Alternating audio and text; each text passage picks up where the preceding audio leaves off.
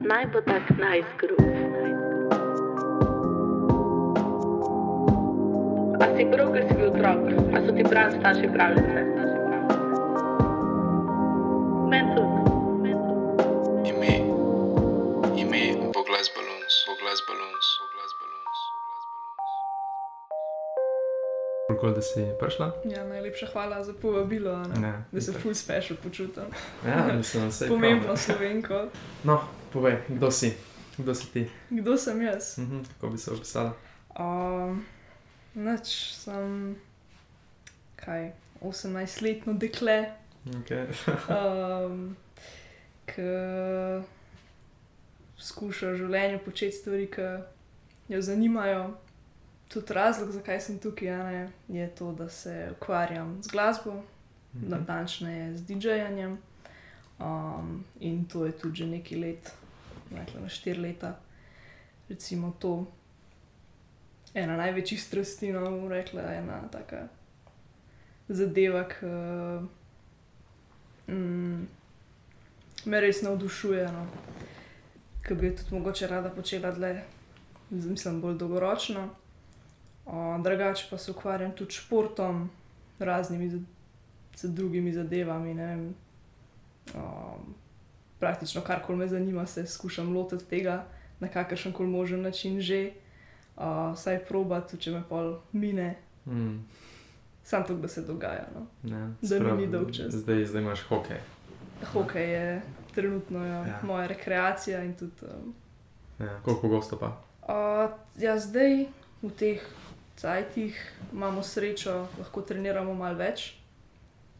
Um, kar je tako ne navadno, ponovadi smo bolj omejeni zaradi Mm. korona tega, ampak uh, imamo koliko trikrat na teden treninga trenutno, pa Ja. tekme vsak vikend.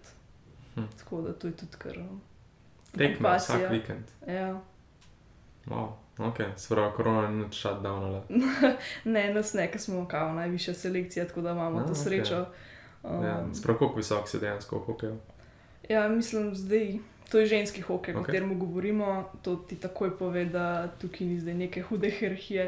Okay. Uh, pač dobesedno je samo ena ekipa v Ljubljani, ena v Mariboru, ena v Kranju, tako da pač kdorkoli se nam pridruži, Mm. pride v to eno ekipo in si pač član. Cool. Ja, to je hudo. Ja, ne. Huh. Da, zanimivo. Sprav, ok, huh. zanimivo. Um, jaz sem na valeti plesal z, uh, z mlajšo sestrico v Duniji, dveh, kaj ste že bila, žiga, pa Erik. pancet. Ja, Panceta, ja, panceta, ja, ja, ja, ja. Hudo. Tako da takrat sem se malo spustil v hokej za par mesecev. Tako hodil sem na tekme, pa to. A da je nekaj Um, bolano. Ne. Ampak mi v, bistvu se pravi ta atmosfera teh, uh, se pravi tekem od Olimpije, mm -hmm. Mhm. Mi ful ni bila tako zanimiva. Takrat sem bil tudi koliko, res, 14 no? let star, ne? tako da to je. Mene pa v bistvu glih to navdušilo. Pa ne vem, no, ful, ful, ful glasno, um, po oni Green Dragonsi. Uh, res mi ta, ta vibe men. Ej, a veš, glih točno to, kar si zdaj omenil. Ja? Jaz sem pa, v bistvu hokej sem začela trenirati zato, ker ga je moj brat treniral, ki je bil star nekaj 9 let ali pa katerih letih začnejo. Ja, starejši ne, še mlajši, mlajši. Okay. Ne, manj je bil star 6 let, po mojem. In smo ga prišli gledati enkrat na tekmo, ki je v bistvu igral med pauzo pač članov uh, glavne ekipe Olimpije. Mm -hmm. In se spomnim, kako sem bila nesrečna celo tekmo, ker smo starši sedeli na drugi strani tribune, Ja. yeah. kot so bili Green Dragonsi, ki so tam navijali, na uni strani je bilo res hudo vzdušje, vsi so noreli in to. Mi smo pa tam v tišini sedeli, če bil še gol, malo smo zaploskali, mislim, brez Mm. veze mi je bilo. Tako da, ne vem, takrat se spomnim, ja. Zanimivo. Ja, no vidiš, pa smo si drugačni, ne? Je to itak. Hmm. Ja, ne, meni nasploh te glasni zvoki. Um, Sicer ne, vem, no, zdaj je v bistvu že full cajt, ker nisem, po mojem, že deset let nisem videl Green Dragonsa v živo. No. Ne deset, osem, I guess. No, se, zdaj, če gledam za nazaj, tudi ne vem, kaj me je tako pretegnilo pri Ja. njih. No. Zdaj Ja. ja. definitivno ne bi bila del tega, pač zdaj sem. Hmm. Rajš treniram, tudi da bi zdaj bila fulke v tej sceni. Hmm. Vem. Ja, pol, jaz sem pa tudi tako s parim folkom se pogovarjal, ki so občasno bili del Green Dragonsov ne, v Mhm. zadnjih letih. In uh, mi je še tako še bolj potrdil, recimo, da, to, da me to ne zanima. Ker res tako mislim. mm, Nasploh te ultre, pa huligani, Ja, uh, je tako nasprotje mene, bi rekel. No. mene isto verjamem, da Ja, mi ni do tega. ja. Kaj je bolj, bolj viole, recimo. To poveš, da ne. To pa no, sploh ne. To pa sploh ne. Ful Če smo olimpija. Ja. Um, ja, DJ, DJ-anje. To si rekla štiri leta, že furaš. Um, recimo, mislim, tako zdaj odvisno, kako gledaš na to. Valjda začela sem mal prčkati že ne vem, v enem devetem, osmem razredu Mhm. osnovne šole, pol, da sem se pa dejansko začela kot um, mečkam promovirati, pa dejansko igrati na žurkah, je bilo pa šele v bistvu v drugem letniku srednje šole. Um, Hm, okay. In se- kaj si pa predtem delala? Samo tako doma, recimo. Malo. Uh, v bistvu ne vem, kaj sem sploh delala, težko reči. Ampak kako si se sploh, recimo, da spustila v to? Um, pa ne vem, že od nekdaj sem se zanimala za musko. Okay. Um, jaz sem, še preden sem hokej trenirala, sem 9 let plesala, ne, pardon, spet lažem, 6 let sem plesala. Hip-hop. Um, Hip-hop, ja, ja. In v bistvu takrat je bilo prvič, da sem se tako seznanila s ne vem, to, kaj je bit, melodija, nek ritem, mm. -hmm. sestava, struktura nekega komada. Ja. Uh, tudi takrat sem prvič videla v bistvu DJ-je, tiste turntabliste, ki so na v bistvu, vinilkah igrali na teh raznih tekmovanjih, um, hip-hoperskih. In ok, takrat pa še nisem, glih, z- mislim, takrat se še nisem na tisti točki odločila, da bi to počela. Pa je bil v bistvu še en dogodek, ko smo šli s familijo v neko trgovino za elektronko in takrat sem v bistvu prvič uh, v roke dobila neko tako nek tak pocenski začeten kontroler, je bil glavno tam razstavljen. Mhm. Na koncu smo bili v tisti uh, trgovini, po mojem, eno uro, ker sem jaz tam prčkala, se nekaj bila stara? igrala. Uh, ja, no, to je bil konc devetega razreda, meni se Ok. okay. osnovne šole. Prav 13, recimo 14. 5, 14. Ker sem pol za 15. rojsten dan mi je v bistvu oče kupil to mešalko. Mm, okay. Um, tako da sploh ni bilo, da bi jaz rekla, da, da bi ga prosila na kolenih in um, mm. si močno želela to mešalko, ampak je, ne vem, videl je, da me to zanima in pač mi jo je kar kupil. In ja, ne, dejansko sem mu res hvaležna, ker od tistega trenutka, po mojem, ni minil teden, da jaz ne bi nekaj ustvarjala na tem. Wow. Dejansko, Dejansko sem, ja, to Ful zanimiv. Ja, ne, ful. In še posebej pol, ko sem prišla v srednjo šolo, ko so se začeli žuri in te zadeve, jaz sem če lahko temu. Mislim, ja, prvi Sure, ja. žuri praktično, no, čeprav so bili tako. V primerjavi s tem, kar sem pol kasneje tudi doživela, Mhm. taki. na budžetu, pocenski, ampak le, bila je neka izkušnja. In sprav spomnim se, bil je te fazanski krst, se je rekel, našega prvi za prvičke Mhm. um, ko smo bili prvi letnik. In se spomnim, koliko, ne vem, koliko sem si v bistvu zaželela. Prav rekla sem si, da jaz nočem biti tukaj med temi prešvicanimi ljudmi, stati v spodaj, okay. pač jaz hočem biti zgoraj na odru, Ja. jaz hočem vrteti svojo musko, um, jaz hočem z drugimi žurati na svojo musko. Um, hočem neko energijo v bistvu vzpostavljati v tem prostoru. In tako sem pol v bistvu naslednji let, rekla sem pač tako, res še nisem bila pripravljena, da bi kar- kjerkoli vrtela. Ampak sem si zadala cilj, da bom v enem letu se tako naučila, da bom lahko igrala na tem našem šolskem žuru. In pa sem naslednjo leto Sprav za naslednjo letne Ja. fazane. po enem letu sem igrala na našem fazanskem krstu. In tako se je pol nekako začelo. Zdaj se je pa spet malo ustavilo za eno leto. Ja, ja. Sam furaš pa prek zuma. Ne? Ja, valjda. Koliko pogosto? Zdaj so Take- live streami popularni, rata. Ja. Mhm. Um, ne vem, to je, mislim, da sem zdaj od la- recimo enem letu, odkar se je prejšnja, mislim, prvi Mhm. val korone začel. ja, dejansko je skoraj eno leto, Ja. ja. še en mesec, recimo, Mislim- pa bo. Po mojem bo kar vsak mesec, no, Ja. kar dost. Um, Sprav enega na mesec. ja, recimo, mogoče še en mesec, ne vmes. Mhm. Um, ampak ja, je bilo kar redno. Sicer te zume Um, to sem, to, v to sceno sem nekako prišla prek nekega, neke Facebook skupine, enega YouTube kanala, ki se mu reče Yes Theory, mislim, da se jih folk poznam pozna. ja, ki imajo nek tak message, da je treba seek discomfort, kao iti ven iz svoje Ja. cone obdobja, Ja. spoznavati ljudi. In dejansko sem spoznala dosta ljudi, tudi veliko čudnih, ampak recimo Prav kaj v tem komunitiju? v tem komunitiju, ja, dejansko v tej Facebook skupini. Aha. Enkrat sem celo nek post objavila, Meni se je lih O. tale cimer, ki je tukaj, je tako massive fan, se mi zdi, da je teorija. a ne neki, Ja. hudo, hudo. Um, Hmm. Ne, vsi imajo ful dober kontent, pač meni so res. Um, dost so me tudi navdihnili, pač ne vem, zanimivo mi je. Mm. vse skupaj.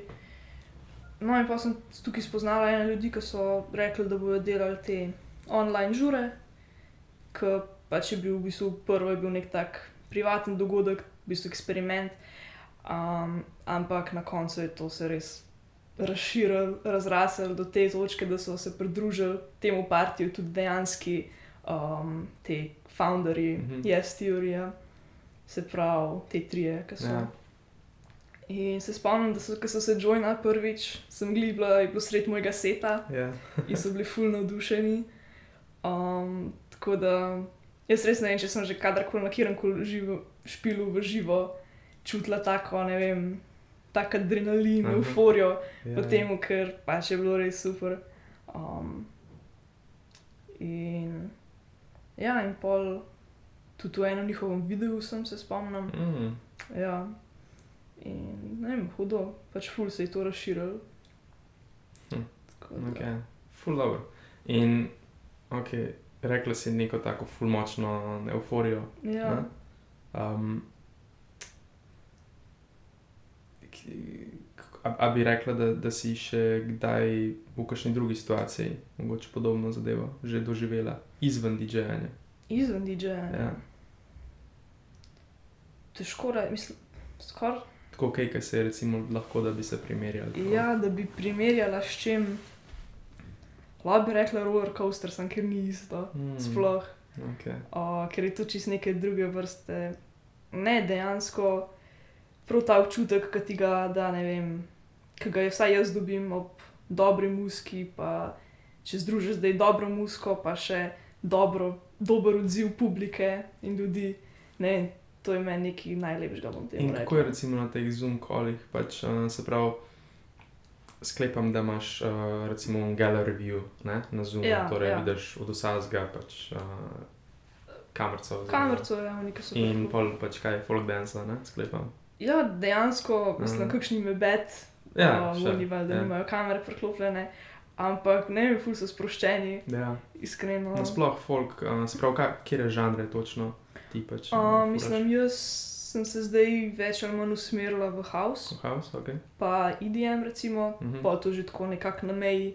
Med, mislim, house je zelo širok pojem, pač to imaš, lahko je bolj umirjen, uh, od nekega tech housea do pol že future house, takih zadev, ki so mečkam bolj um, že podobne šemu IDM-u. Mhm. Um, tako da jaz se kle nekje vmes gibam. Ok. Mhm. A poznaš mogoče garaž?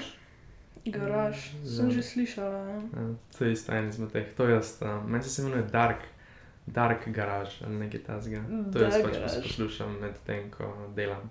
To bi dati tri kakšen primer, ker zdaj le se ne spomnim čist. Ja, bom dal Ja. po, po podcastu. Ne, jaz sem se čist preveč usmerila v ta house, se mi zdi včasih Kaj bi rekla? kar preveč. Um, uh, Aha, sploh, sploh se ne oziram več na druge Mhm. žanre, ker me je to potegnilo tam noter. Um, čeprav ne skušam uh, poslušati, kar se da raznoliko musko, zato da dobim občutek, Mhm. mogoče tudi malo navdiha. Pa mogoče tako, da mi dobiš nek pogled na house, pa tudi Ja, izven splošno. Ja. samo teh zadev, kar se dejansko dogajajo. Ne? ja, to je Ja. res. Ja, to, to je ful zanimivo, kako je s temi okusi za, za glasbo. Jaz se spomnim, sem bil mensi, da od, recimo, da od 18. pa do 21. leta, mogoče kar od 18. pa do 22. leta, sem bil popolnoma v trepu. Ne? To je bilo Ja. konkretno vse, kar sem poslušal. Če mi ni sedel poslušati trep, sem poslušal instrumentale od trepa. Ja, In res, pol začneš že tako, uno, že vnaprej veš, kako boš ubit, tudi če ga Ja, prvič slišiš, ker veš, da boš recimo, da približno po teh ustaljenih um, pač trep Mhm. bitih. ne. Um, in sklepam, da je potem na tisti, tisto je pa, ko, ko, ko si tako globok v nekem takem žanru, takrat lahko začneš dejansko producirati nek kontent, pa ti ni tako mogoče težko. Kot pa če bi začela ti recimo producirati nek, uh, v nekem žanru, ki ga ne poslušaš. Ja, ne, definitivno, če hočeš ustvarjati v nekem žanru, ga moraš ogromno preposlušati, mm. mora ti priti v uho. Um, dejansko že do te točke, da ti je predictable, Mm -hmm. da, to je. da res um, veš, zakaj se gre. No, ampak Ja. ne bom pametna, kar se tiče produciranja in teh okay. zadev, ker se tudi še sama, sem, še, sem se šele začela spuščati v to. Um, ampak kar se tiče DJ-ja, pa ja, se razume. Pač bolj, ko poznaš musko, ko jo vrtiš, bolj si lahko tudi kreativen. Mm. Um, ne, najprej se moraš pač naučiti pravila, to se razume, uh, zgradbo komado in vsega. In šele pol, ki to obvladaš, lahko nekako ta pravila kršiš, strukturo glasbe in to, da upeljuješ svoje elemente noter, spremenjaš vse skupaj. Hm. Mm. Hm, zanimivo. Jaz sem recimo, um, sprav, bil sem med marcem in septembrom 2020 sem bil v Berlinu uh -huh. na svoji Erasmus izmenjavi. In takrat sem jaz v bistvu nekako nehal poslušati samo trap, bi rekel. Uh, Ja. ker, ker preprosto, recimo v Berlinu, default glasba na kjerkoli parti ali pa na kjerkoli Ja, ja. tako social gathering, tako po šihtu, recimo, ko se sodelavci greš družiti, je default glasba tehno. Ne? To je najboljše. Jaz sem, jaz sem do takrat tako res, nisem nikoli tega poslušal, nasploh house, Mm. mm. IDM, karkoli od tega. In mi res tako ni mi sedel. No. In, in neki cajt sem še ja. tako poskušal pušati trap, ne. Mhm. um, ampak preprost, uh, preprost ni šlo. Tako da pa sem pa prav tako pripravil sem samega sebe, da sem uh, začel malo več tehnota poslušati. Tudi uh, par kolegov mi je tako priporočal, kakšne take tehno verzije, kakšnih trap komadov. Mhm, da Ali pa kaj takega, lažje noter upel. Ja. En je full všeč, ker je bila tudi v bistvu komat, ki me je upel v polo tehno. Ja, Ja, sem res ga ja. začel full poslušati in prek njega sem pa drug tehno začel poslušati. Je en, en, en tehno komat, ki sempla um, od Kanye Westa, en komat. Mm -hmm. In Remix ali nekaj na to fora. ja, ja. A, in tisto, tisto me je pol. Ne, tehno je po mojem mnenju zelo težek žanr. Mm. To je praktično tako, kot da bi nekomu, ki še v življenju ni slišal, ne vem, metala, dal najbolj tipičen metal komat. Meni se zdi, da ne vem, tako se je zelo težko na musko navaditi. Tudi jaz, recimo, uh, moj, pač vidim, kako se je moj okus za glasbo v bistvu stopnjeval, tudi do te točke zdaj, da lahko tehnažo poslušam brez problema, tudi vrtim jo včasih, ker dejansko, pa, ko se jo navadiš, ti da nek feeling, ne vem, te basi, pa vse, čeprav je ful repetitivno, ampak ne vem, meni je super. Ja, prav ujamete v nek tak lup. Ja, ampak če ne bi jaz prejšnja leta recimo začela, naj, pa začela sem valjda z neko komercialo, ki je bila, pa sem začela komercialne remikse poslušati, že bolj te klubske komade, s tem, da sem prešla pa iz nekega tega tipičnega komercialnega IDM-a na tech house. In pol, ko si na tech houseu, v bistvu lahko že zelo hitro prideš na tehno. In ne vem, nekako tako postopoma se uvajaš na nek žanr, pol je lažje. No. Ampak dve leti, tri leta nazaj jaz ne bi mogla tehnaže poslušati sploh. Mm. Sploh pa če te presenetijo s- iz trepa direktno na tehnažo, si ne predstavljam. No. Ja, jaz bi rekel, da je ne dva meseca, no, sem rabo. Ja. ampak pa pa res tako. Začel sem v prostem času poslušati, ne. Pa tako na slušalkah, recimo. Ja, ja. Ko sem se furil s kolesom od, od doma do pač tam, ko sem v Berlinu delal. Mhm. Um, in sem na kolesu poslušal tehno. Ne. Ja. In res čistko drugače kot trepno. Čist tak drugačen vibe tudi da. In uh, tudi v, potem, potem smo v Berlinu, pač niso klubi delali zaradi korone, ne? Ja. ampak smo šli pol na konec moje izmenjave s parima, s parimi kolegi uh, na Polsko. Tam je bilo pač večina zadev odprtih še vedno. Tako da, In smo bili nekje pod zemljo, nek tak Underground majhen underground klub. klub. In uh, sam tak, no res, kaj bi temu rekel, nek tak dirty, polish tehno. ja, ja, ja. In, in um, res tako, pač samo živo. No. In, in konkretno bi rekel, da bi zdaj veliko raj imel v klubu tehno, kot pa trep. No. Tako da sem full vesel, da, da sem Ja, ja, itak. nekaj novega najdel. Se dosti, po mojem, tudi odvisno od družbe, no se meni zdi. To pa, to pa ful, ja, to bi pa tudi rekel ful. Nasploh tako, če vidiš, da to sem recimo v Berlinu tudi doživel, da Mhm.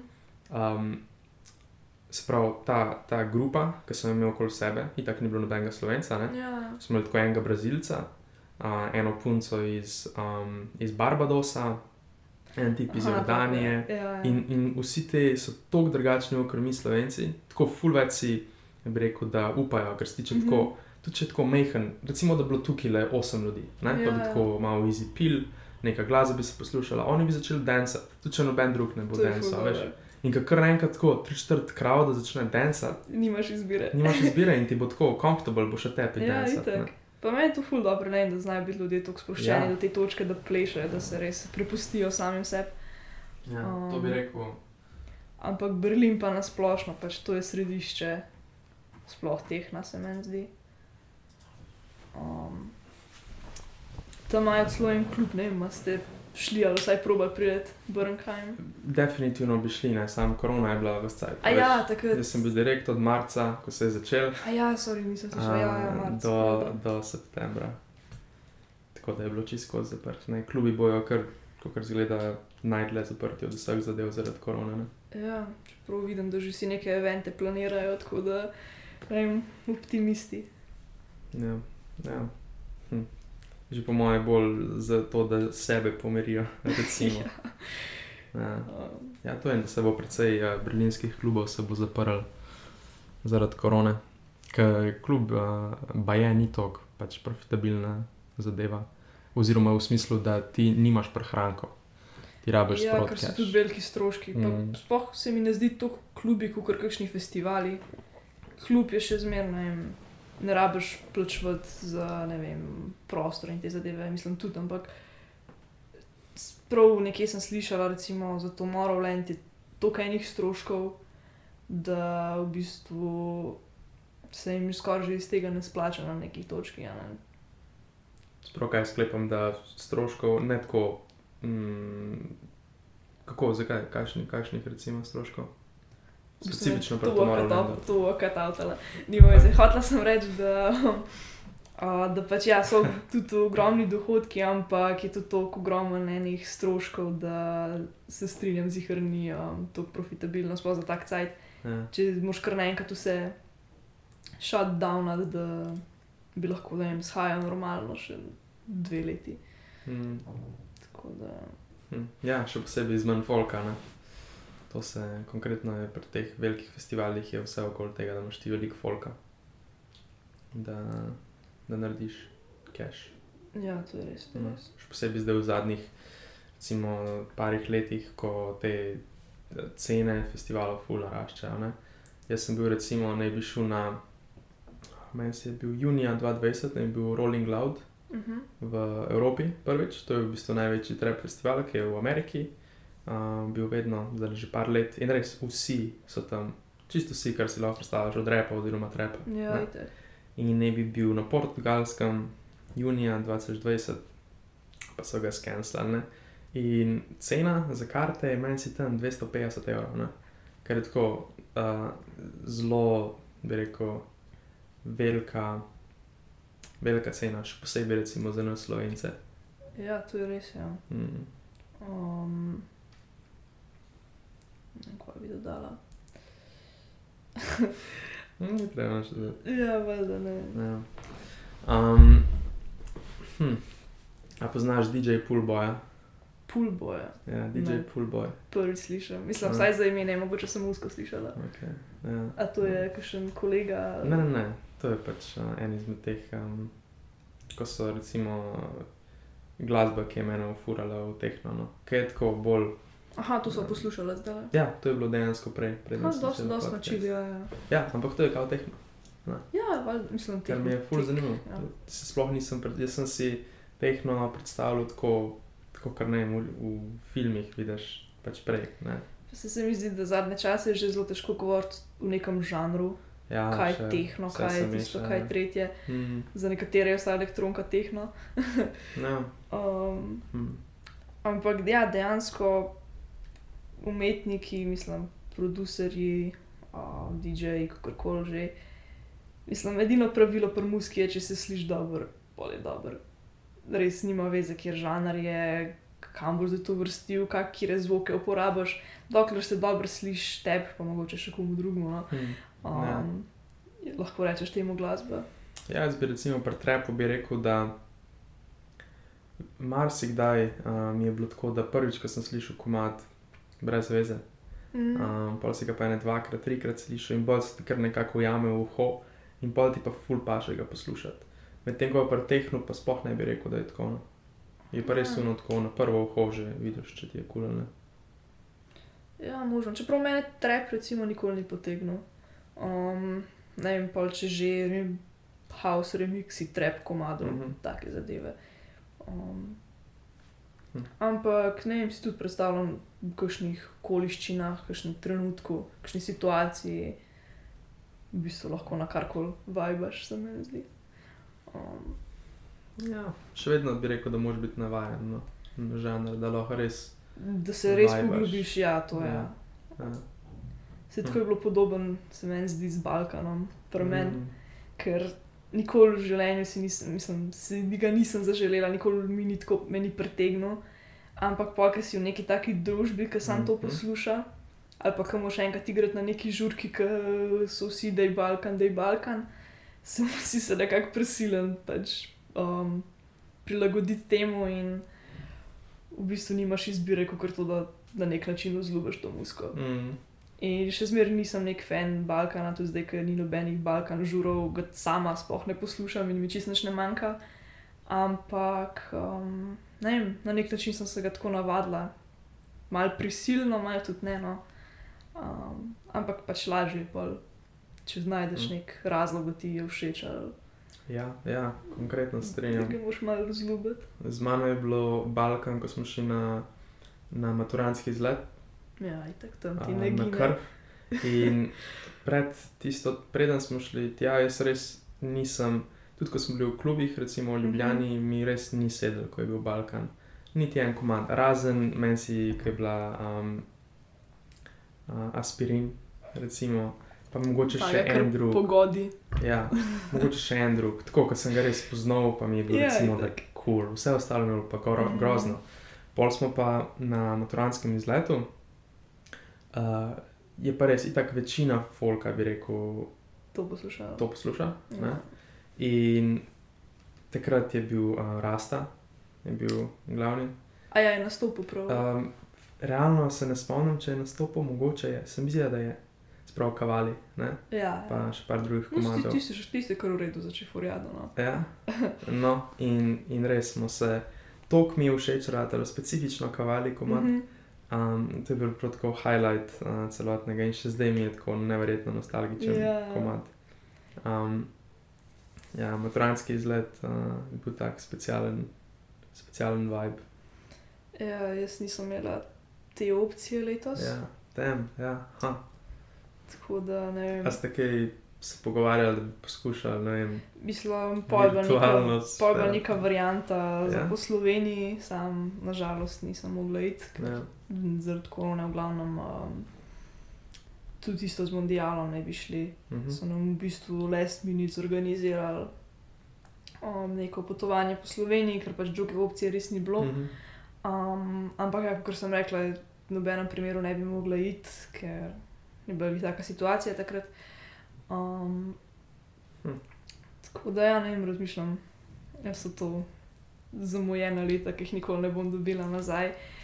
Um, Ja. Ampak za žurat se mi zdi, da bo vedno dosti časa, Ja. še, mislim, še dosti priložnosti.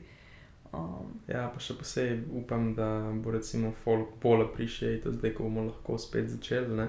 ja, zdaj Um, del po mojem odlom. Ja, samo Nora pa, 20, ali kako ja, se reče. Ja, Roaring Twenties. Ja, Ja. ker vedno Ja. po krizi je pol. Ja, ja. Um, norija. Mm. Sam je pa spet konec, se bo pač slejko prej pozabil na to. Ja, to. Verjetno. Pa bom pa Um, počasi spet vse postaram se. ja. Sam realno sem jaz, pa mi zdaj v takih letih, ko si boš načeloma zapomnil no, za precej časa, tako kot smo mogli recimo zdaj živeti ne, med Ja. korono. Se pravi, ni žuranja, ni, ni tega unga, kaj bi rekel, light-hearted. Ne vem, da greš na morje, pa sam čilaš. Ja, ni, ni tega. bilo Ja. ja. Tako da upam, da bomo res bolj appreciativni, no? da ne bomo tako hitro pozabili. Te, uh, rekla si, da, da si imela max, ne vem, kakšen teden, da, da nisi pač, uh, recimo delala nekaj z glasbo, Za- ne, ja. odkar si začela. To je tako dosta zanimivo, ker sem je večina folka, vključno z mano, recimo, Mhm. tudi če ima neke zadeve, katere res uh, rad počne v lifeu, ima še vedno tako obdobja, ne mesec, dva meseca, tri mesece, ko pač ne bo se tega dotaknil. Sploh ne moreš. Mislim, Mogoče ja, da ti je že kar tako, no, ah, ne da se mi več. Ne? Ja, pa Ja. zdaj, ko pomislim za nazaj, sploh ni tako, da bi se kadarkoli rabila silt. Res ne. In to mi loži nekaj pove, da je pač to res nekaj, kar rada počnem, nekaj posebnega. Um, nekaj, za kar sem veliko bolj motivirana, kot za karkoli drugega. Um, mogoče se mi je to začelo šele zdaj pojavljati, to, da si kakšen, tudi po mesec, recimo, da ne vem, nimam inspiracije ali karkoli, da nekako o, se mi ne da niti preklopiti na zvočnike in na računalnik in vse svoje, svoje mešalke.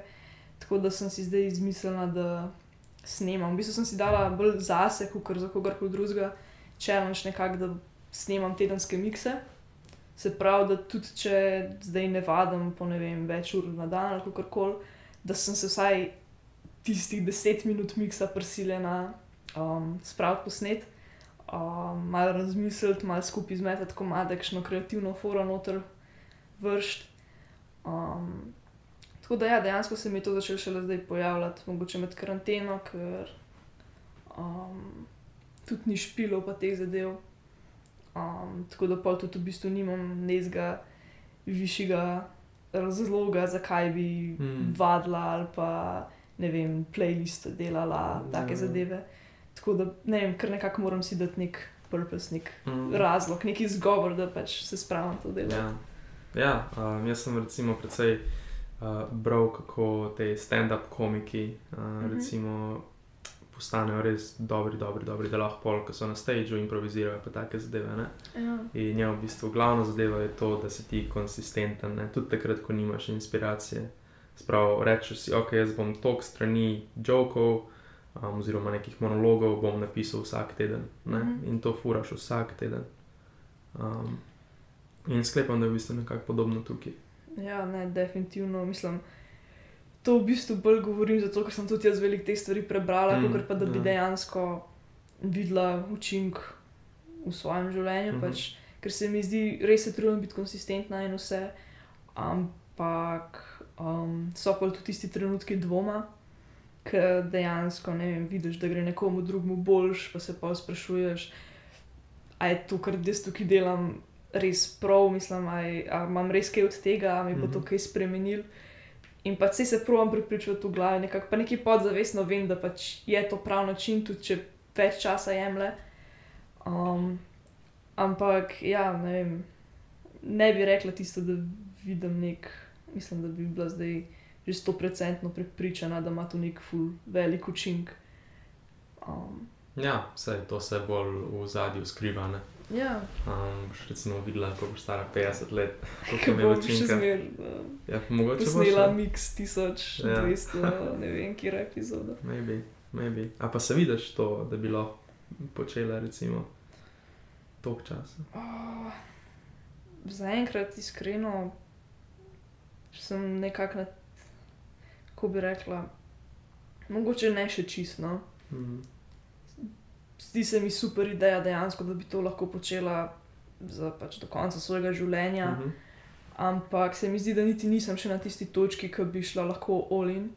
Da bi recimo rekla, ne, zdaj pa ne grem na faks, zdaj pa mm. ne Mhm. grem, mislim, zdaj bom pa vse ostalo pustila, zato da bom se posvetila DJ-ju Ja, ja. in muski in ne vem kaj. Um, ampak sem si pa rekla, da bom pač vsaj zdaj v naslednjih parih letih, dokler pač sem še v šoli in to, Mhm. um, da probujem priti, kot delč lahko, pač da probujem, kot se le da, trdo delati v tej smeri. In zdaj ne vem, pa bom pa videla, pač, ko se mi bo pojavila ta priložnost, ko bom na tej točki, ne vem, se bom pa odločila, se mi zdi. Uh, a že veš, kam boš šla na faks? Ja, trenutno sem prišla na idejo, mislim, da sem že kar dolg časa na tej uh Mhm. -huh. ideji, da bi šla študirati medicino. Ten, ok. Wow. Ja. Mm, okay. Tako da to je lahko tudi, se mi zdi, da velika ovira. Ja. Čeprav le, ja. Jaz sem v bistvu lih hotel predlagati, sprav, če bi šla praktično, jaz bi rekel, skoraj kjerkoli drug faks, razen medicine, recimo da. Uh -huh. Uh, bi, šli, bi si lahko ti v, recimo, zrihtala že vnaprej v prvem letniku faksa neko prakso, pač uh Mhm. -huh. Erasmus prakso, ne? uh, pa se pač ti pokonektaš tudi z jastjuri lahko, Ja. pa ti oni, ne vem, zrihtajajo nek tak semi-job, obenem bi pa lahko ti tam neke šove imela. Ne? Uh, to bi recimo jaz naredil, ampak na medicini definitivno ne, ne ker ti Erasmus prakse na medicini je konkretna zadeva, ne? nimaš Ja. časa za dodatne druge. Ampak ful, ful zanimivo medicina. Ja, Hm. ne vem, to je po mojem, če bi zdaj le zbrskala svoj dnevnik iz osnovne šole, Hmm. sem prepričana, da noter piše, da hočem študirati medicino. Wow, Okay. In to je pač ena ta stvar, ki po mojem še dlje pri meni, kot DJ-janje. Ja. Ful zanimivo. Zakaj medicina? A, pa ne bi vedela, mogoče, ok, definitivno tudi zato, ker pač moj oče šel na medicino. Ah, okay. A, tako da to je definitivno nekje podzavestno, če ne drugega. mhm. Um, Hač pa ne vem, že na splošno se mi zdi, da od nekdaj me zanima tako naravoslovje, um, anatomija, no, take zadeve, pomoč ljudem v tem smislu, mislim, delo s strankami, bom temu rekla. Ne vem. Mhm. Re, mislim, tudi v tem se res vidim. No. V bistvu se vidim v velikih stvareh, ampak A, to je bilo ful zanimivo potem, okay, recimo, da študiraš medicino. Ja. Um, pa da potem poskušaš nekako pokonektati DJ-janje, sprav nek audio, audio zdravljenje.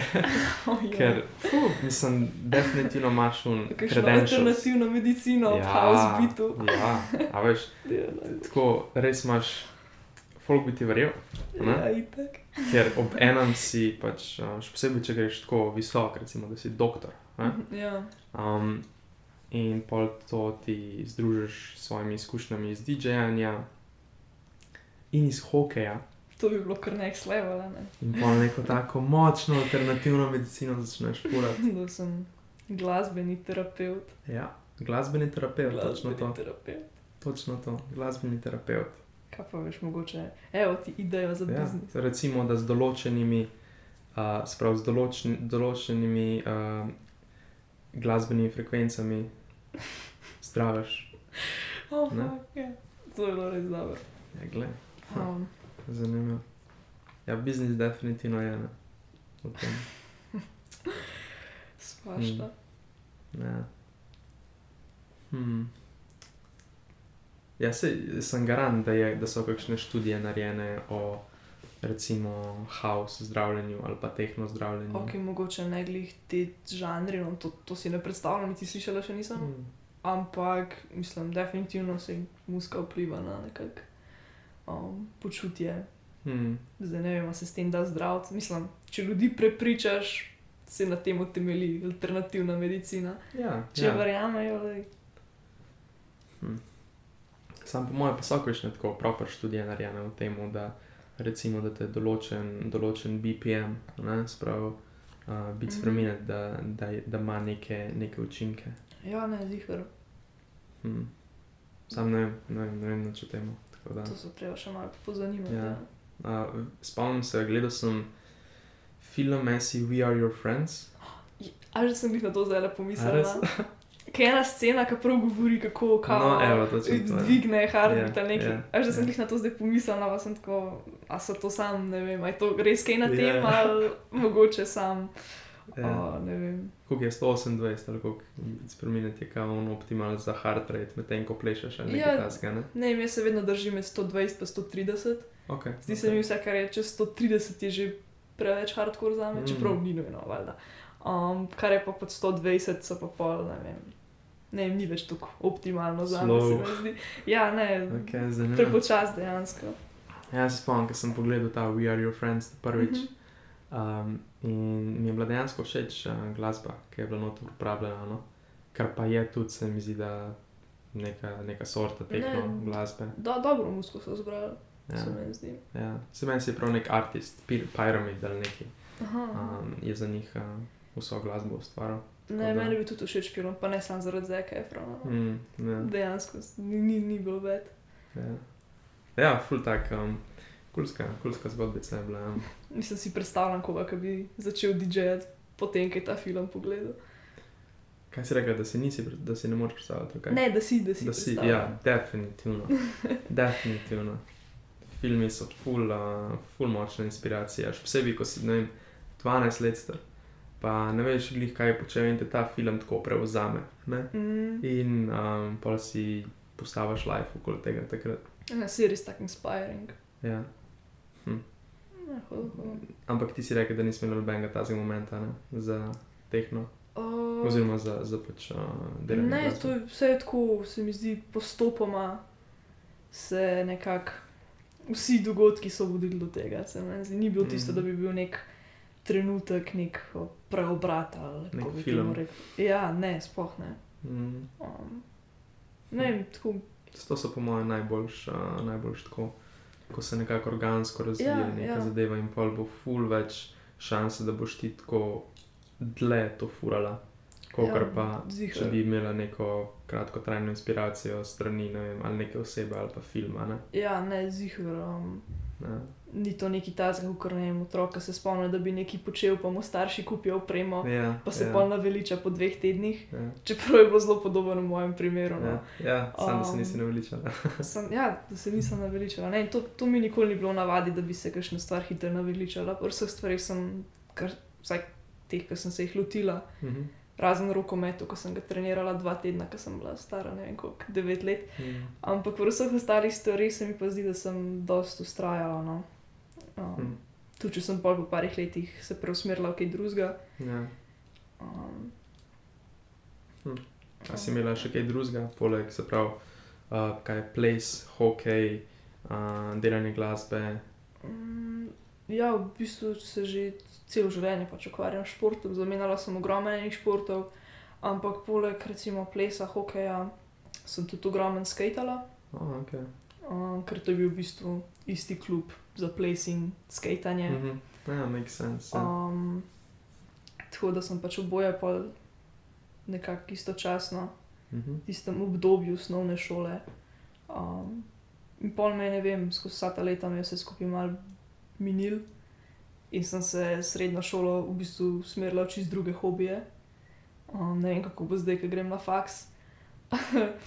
Upam, da ostanejo na podobne zadeve. Mm, to se ful spomnim, da sem jaz točno o tem razmišljal. Se pravi, um, vsak ta prestop iz osnovke na srednjo, pa iz srednje na faks, Mhm. in potem iz faksa naprej, whatever, uh, nekako precej zamenjaš crowd, okoli katerega Ja. ja. hengaš večina časa. Mogoče pa, ko prideš iz faksa.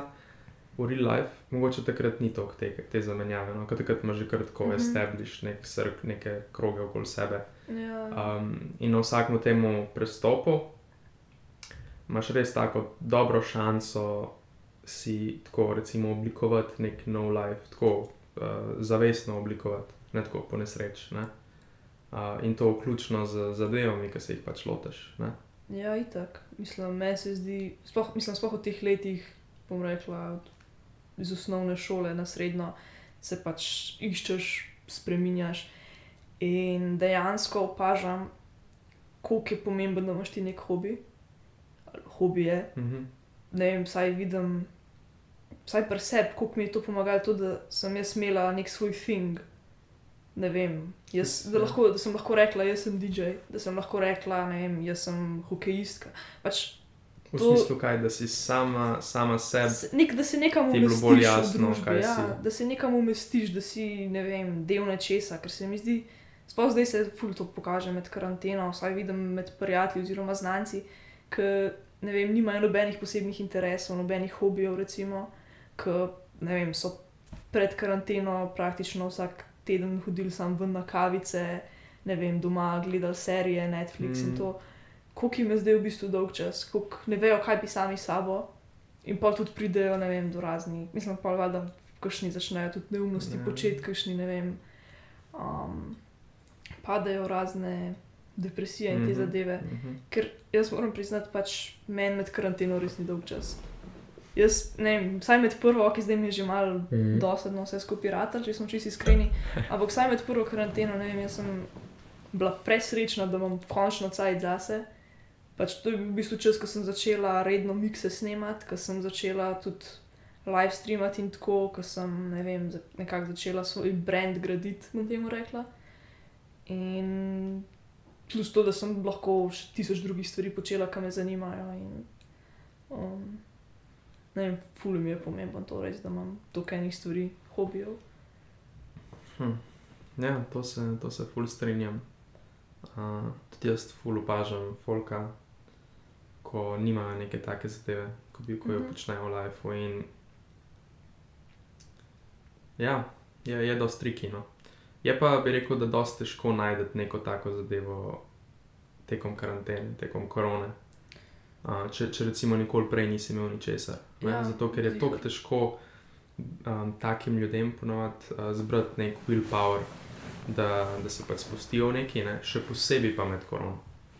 Uh, Smijamo v nasploh, ima folk uh, manj neke mentalne energije.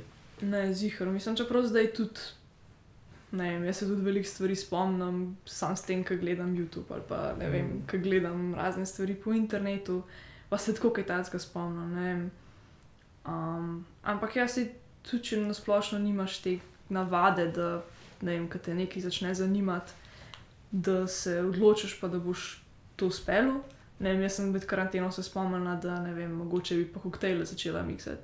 Takoj naslednji teden sem prek Amazona za 30 evrov naročila nek ta komplet Mhm. in sem začela. In pač, ok, zdaj sem malo omejila vse skupaj, ker ni spet neki zelo zdravo, da poleg športanja še vsak teden uh, koktejlčke miksam. No.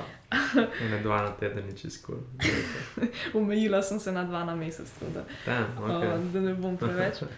Ampak ne vem, kakšni poznam tudi ljudi, ki si skozi konstantno že cel življenje želijo nekaj početi, pa se enostavno ne lotijo. Pač. Mm, In pa jih to skozi nekako mori, ampak ne ker nimajo te moči, da bi se zdaj odločili pa nekaj naredili. Ali pa ne vem, mogoče včasih, ne vem, tako kot je bilo v mojem primeru, ne vem, da mi je oče v bistvu sam kupil mešalko. Mislim, iskreno ne vem, če bi se kdaj, mislim, verjetno bi se, ne, ampak ja, ne vem, kdaj bi se pa ja, sama spravila to, to, ne moreš nikoli vedeti. Ne. Mogoče bi si pa potem. Mm, mislim, se pravi, koliko si rekla, dva tedna je bilo vmes, preden si imela pa rojsten dan. Ne, par mesecev v bistvu. par, par mesecev.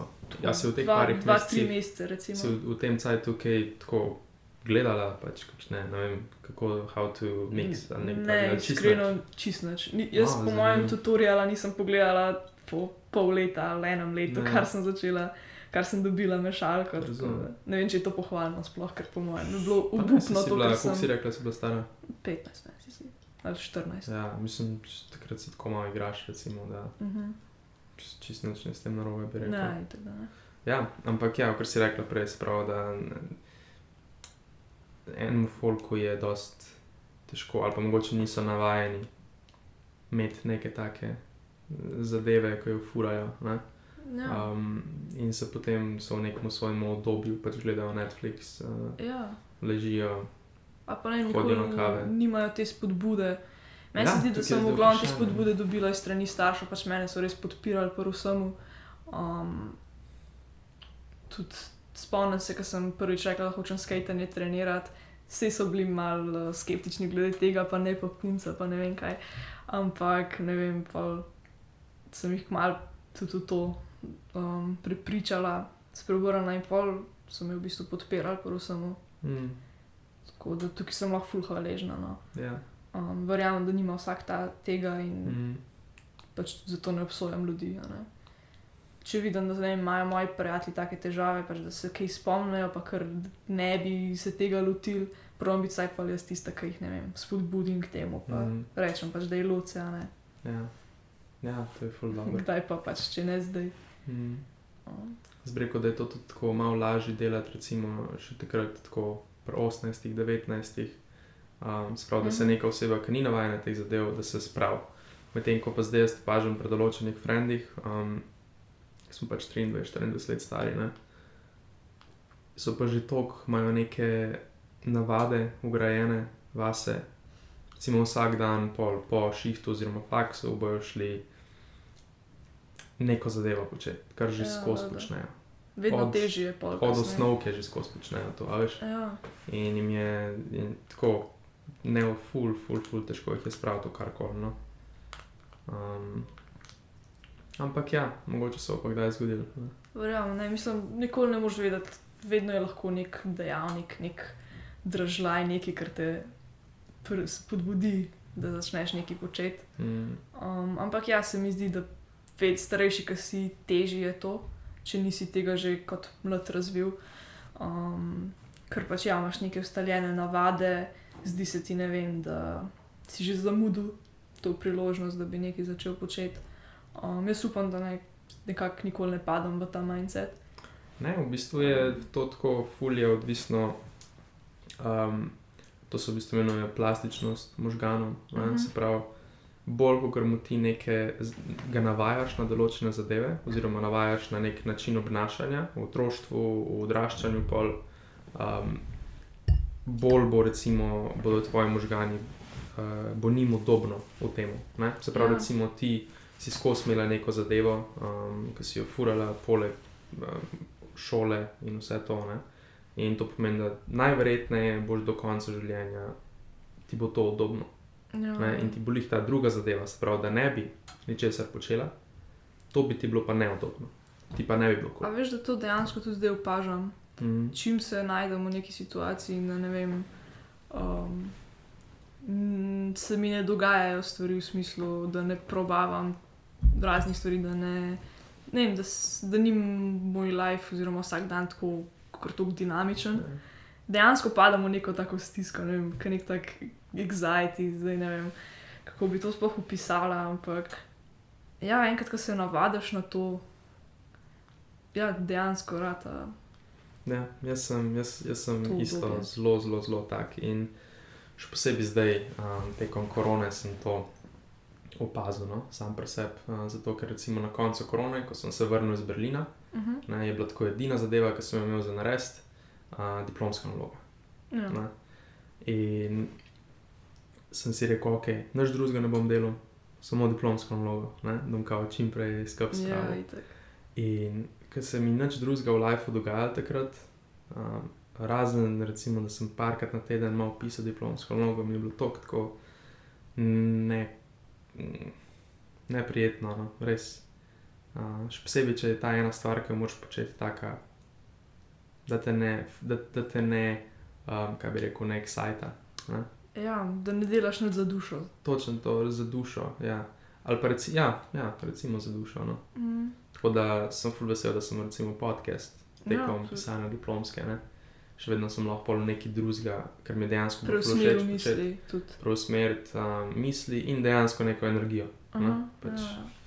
uh, tako da to, je, to mi je ful pomembno, da imam skozi neke zadeve. In zdaj, ko sem zaključil diplomsko, um, sem si takoj najdel par takih kulskih zadev, ki so mi res kul cool za početi.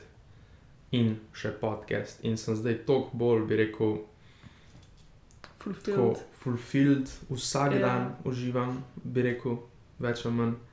Uh, moj, jaz bi rekel, moj average mood se je tako dvignil za par deset procentov. No. Konkretno za- zato, ker sem si spet najdel par kulskih zadev za početi. Sprav, Mhm. da se vsak dan počutiš fulfilled, kot si ti rekel. Ja, itak. Da se pomikaš, recimo, bližje svojim, kaj bi rekel, svojim ambicijam ali pa V bistvu uspehu, ne nekaj, kar ti vidiš kot uspeh. še. Ja, dejansko, nekmu počutju. Ja. Zdaj pa, če si pa ti Ja. obraten od tega, ne, da pa nisi nikoli imel nič tazga, pol, pol ti je pa, pol pa ti je pač to tako neudobno početi. Ne. in imaš Ja. rajš samo uno, da se zadeva ne spremenja. Najdeš obdobje v neki Stagnaciji, stagna. Ja, basically, ne. dejansko. Kar je ful, uh, ful žalostno no, in to ima ful folka. To je res, ja. Ja. Sam, ki si omenil, da si, um, da si prišel iz Brilna, kaj da si imel nalogo za napisati. Diplomsko, Diplomsko, ja. ja. zadnja zadeva na faksu. Uh, to, ko se jaz nekako zdaj počutim, letos imamo maturo, uh -huh. koliko štiri mesece še. ja. In No, sem vem, direkt 4 mesece, ko sem prišel z Berlina. Ja. pa Da, In dejansko že zdaj um, opažam, kako. Ne vem, prav rekla sem si, da zdaj se bom pa res zresla in osredotočila na to, tudi če ne vem, moje socialno življenje zamre za par mesecev. Ampak vedno bolj, ker razmišljam, mi smo se, se mi pozmešali pač po štirih mesecih. In posledično, po mojem, tudi rezultat, že zaradi mojega počutja, ker bo to padlo, ne bo v Mhm. redu. Ne? In ne, dejansko se mi to zdaj misli, ne vem. ja. Um, Valjda se, se moram potruditi, sploh če ciljam na medicino. Um, Ja, kakšne rezultate recimo boš rabila na, na maturi med? ja, tam, jaz, jaz ciljam vsaj na 95, da bi se potrudila, imeti Ok. okay. pik, se pravi, kaj je to od stotih. Ne vem, sploh točno, kako se to Mm. točkuje še zmerne. Ja. Um, ampak ne vem, da jaz bom dala vse od sebe, pač probam ciljam najvišji, pač najboljši, kar lahko, da to, da si lahko izmišljujem, kako bi temu rekla. Ja. Um, ampak ja, ne bom mogla tudi, um, ne bom smela pozabiti na um, ja, ne, to svoje je, hobije in aktivnosti to- v tem to- času. to je mene uh, en uh, sošolc iz faksa, ko sem imel se pravi zadnjo, zadnjo izpitno obdobje. Uh -huh. par takih res zafrknjenih predmetov sem imel. Uh, to je bilo recimo januarja, februarja 2020. Imel sem šest izpitov na koncu, pa še par seminarskih za narediti. Uh, pa bilo je recimo en mesec, pa pol do tega. ne. Sprav šest izpitov, pa par seminarskih. Uh -huh. In jaz sem takrat imel spet, uh, recimo, da je to idejo, da ok, zdaj se bom odstranil iz soci- socialnega življenja in pač 9 ur na dan delo. Fokus, ja, Ne? 100%. In to sem tako en dan, dva dni naredil, pa pa nisem več mogel, in pa tako par dni sam prokrastiniraš, Ja, ja. ne uživaš v dnevu, sploh, ker imaš skozi občutek, da ja, vsaj eno uro pa jim narediš, a veš, pa ne boš. Ne, Ja. realno. Kot neke vrste burnout. Točno tako, burnoutaš se na, vs, tako na vsake par dni, to je tako slabo in pol sploh ne uživaš v tem procesu. Pol sem, pol mi je pa pač ta kolega, uh, Tilan, mi je pa svetoval, da naj, sprav, ko se zjutraj zbudim, da naj lepo pač grem nekaj pojesti, pa pa naj tri ure ali pa dve uri pa pol. Lepo v izi si izberem en predmet, pa ga pač gremo predelati. ne. Samo Mhm. dve uri, dve uri pa pol. In ko imam to narejen, zaključim za tisti dan. Ja. In pa grem lahko delati, karkoli želim. In to sem en si ene, prvih par dni tako ti ne paše tok, ne. Ja. Pol, ko sem en teden to delal, sem se že tako malo navadil. In pol, ko ti rata dve uri ali pa dve uri pa pol, uh Mhm. -huh. da ti cajta noter, da ni te težko podaljšati za eno uro, recimo. Ja? In pol sem bil dejansko prvič v lifeu, sem bil, sem bil ene štiri dni ali pa pet dni pred, preden so se mi začeli spiti, sem jaz v bistvu že naučen vse. Ja. To se mi ni zgodilo med celo gimnazijo in med celim faksom nikoli. Ne? In tudi tako, zdaj, ko gledam nazaj, je bilo to tako najbolj enjoyable izpitno obdobje. V bistvu vsak, vsak izpit sem takrat naredil tako v prvo ali pa v drugo, uh Mhm. -huh. brez problema. Uh, seminarske sem, sem uredil čez spravo in konkretno samo zato, ker sem čist malo vsak dan naredil. Ne? Ja, to je to. Pač, če delaš sproti, če se pravočasno nečesa lotiš, pa da vsak dan pomal, pa da imaš nek urnik, uh, da si konsistenten spet, pa da imaš sajt tudi za druge stvari, ne vem, je veliko bolj nekak Mhm. healthy princip, ko sem v skrbku, ker recimo, vsaj v mojem primeru, da se učim za test dva dni prej, pa ne spim tisto noč, pa ne vem, um, se res do konca maksimalno uh, prisilam, da se učim. Ja, Ja, jaz tudi na sem- koncu slabši rezultat se meni zdi. No. Jaz sem, jaz sem točno tako, kot si zdaj rekla, ja. sem Ja. delal do, do zadnjega izpitnega obdobja. Tudi uh, maturo sem, pff, matura je Ja, bil moj višek. Jaz sem spomnim se, da sem recimo psihologijo, ko sem imel na maturi, sem se začel, začel učiti. Meni je bila ura ena popoldne, torej 13 nič nič, imel sem pa naslednji dan ob 9. Ne. Jaz ne bi mogla. In do sedmih zjutraj sem Oj, se oj. učil. Uh, po noč, takrat sem, še, sem bil še v fazi, da sem uh, tekel parkrat Ja. na teden. In sem opazil, da mi je v bistvu tek tako, če, če grem recimo teč ob 9 zvečer, ob 10, ja. Ja, bom imel ful več energije pol ja, učenje. tudi ne. jaz opažam, zjutraj če laufam, imam Ja. ja. energijo za celo. posebej zvečer. Ti v bistvu ne rateš za span, ker telo ima občutek, da okay, Mhm, moram mhm. nek adrenalin pumpati. Ne? In uh, sem šel dejansko čist za vsak, ko, za vsak predmet, ki sem ga imel na maturi, sem tako naredil. Spal sem eno uro pa pol in predtem pa tako Ojej. 16 ur v kosu. a veš. In uh, spomnim za psihologijo, sem šel tisto noč, Uh -huh. um, sem šel dvakrat teč, tako po 40 minut, pa dvakrat so tuš. Pa. Ampak sem spuril, a veš? Ne, bolano, vsaka ja. čas, lej, čestitam, jaz ne bi mogla, že zaradi živčnosti, po mojem, ne. Res? ker, ne, jaz moram biti mirna. Za, res, okay. Jaz moram biti sigurna, moram vedeti, da sem delala, ne vem, en teden, recimo, ali pa Mm. en mesec, kako koli. Um, No, se da sem zato. bolj sigurna tudi. Ja, Pa da se mi vse skupaj malo poleže. Um, tudi opazila sem, če se učim par ur pred testom ali kako koli.